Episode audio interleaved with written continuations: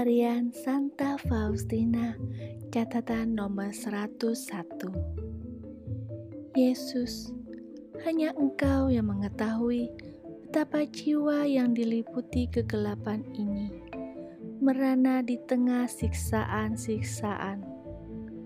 Dan kendati semua itu, ia haus akan Allah, seperti bibir yang terbakar merindukan air ia mati dan pucat. Ia mengalami mati, tetapi tidak mati. Artinya, ia tidak dapat mati. Semua usahanya sia-sia. Ia ditekan oleh suatu tangan yang amat kuat. Kini, jiwa itu sampai di bawah kuasa Dia yang adil. Semua cobaan lahiriah lenyap. Semua yang mengelilinginya menjadi bisu, seperti orang yang menghadapi ajal, yang kehilangan kontak dengan segala sesuatu yang ada di sekelilingnya. Segenap jiwa orang itu ada di dalam tangan Allah yang adil Allah Tritunggal yang kudus. Ditolak untuk selama-lamanya. Inilah saat puncak. Dan Allah sendiri dapat menguji suatu jiwa dengan cara itu. Sebab hanya dia yang tahu apa yang dapat ditanggung oleh jiwa itu. Apabila jiwa sudah sepenuhnya dikenyangkan oleh api neraka ini. Sungguh, ia segera akan dicampakkan ke dalam sejenis keputusasaan. Jiwaku mengalami saat ini ketika aku sendirian di dalam kamarku.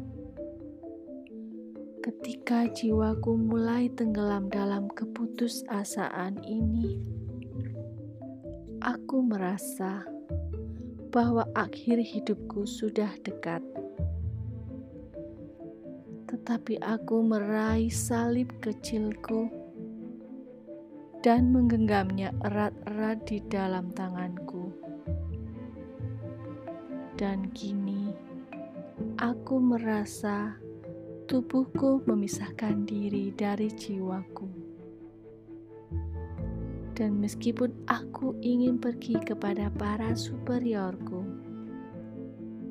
aku tidak lagi memiliki kekuatan fisik.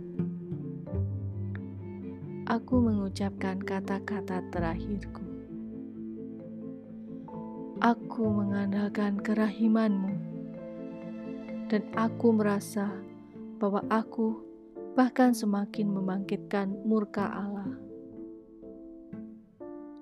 Dan kini aku tenggelam dalam keputusasaan. Dan semua yang masih tertinggal padaku hanyalah suatu rintihan karena rasa sakit yang luar biasa yang dari waktu ke waktu melepaskan diri dari jiwaku jiwaku berada dalam sakratul maut, dan rasanya aku akan tetap dalam keadaan ini, sebab dengan kekuatanku sendiri aku tidak mampu bangkit dari sana. Setiap permenungan tentang Allah membuka suatu samudera penderitaan yang tak terberikan. Dan meskipun demikian, ada sesuatu dalam jiwaku yang tertarik kepadanya. Tetapi ia merasa bahwa hanya untuk inilah ia semakin menderita kenangan akan cinta yang dulu ditumpahkan Allah kepadanya menjadi suatu siksaan yang lain lagi. Tatapan Allah menembusnya dan segala sesuatu yang ada dalam jiwa itu terbakar oleh tatapan itu.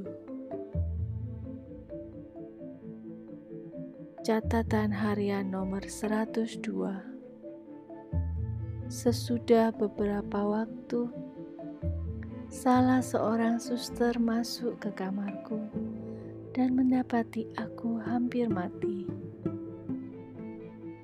Ia ketakutan dan pergi mencari suster pembimbing novis yang atas nama ketaatan suci memerintahkan aku untuk bangkit dari lantai. Tiba-tiba kekuatanku pulih dan aku bangkit gemetar. Pembimbing novis serta merta menyadari keadaan jiwaku dan berkata kepadaku tentang kerahiman Allah yang tak terduga sambil berkata, Jangan mencemaskan apa pun, suster. Aku memerintahkan ini kepadamu demi ketaatan. Kemudian ia berkata kepadaku, "Sekarang aku tahu, suster, bahwa Allah sedang memanggil suster kepada suatu tingkat kesucian yang tinggi. Tuhan ingin menarik suster sangat dekat kepadanya, karena ia telah membiarkan hal-hal ini terjadi atas suster dengan sedemikian cepat. Tetaplah setia kepada Allah, suster, sebab inilah suatu tanda bahwa ia mengendaki suster mendapatkan suatu tempat tinggi di surga. Tetapi aku tidak memahami apa pun dari kata-kata itu.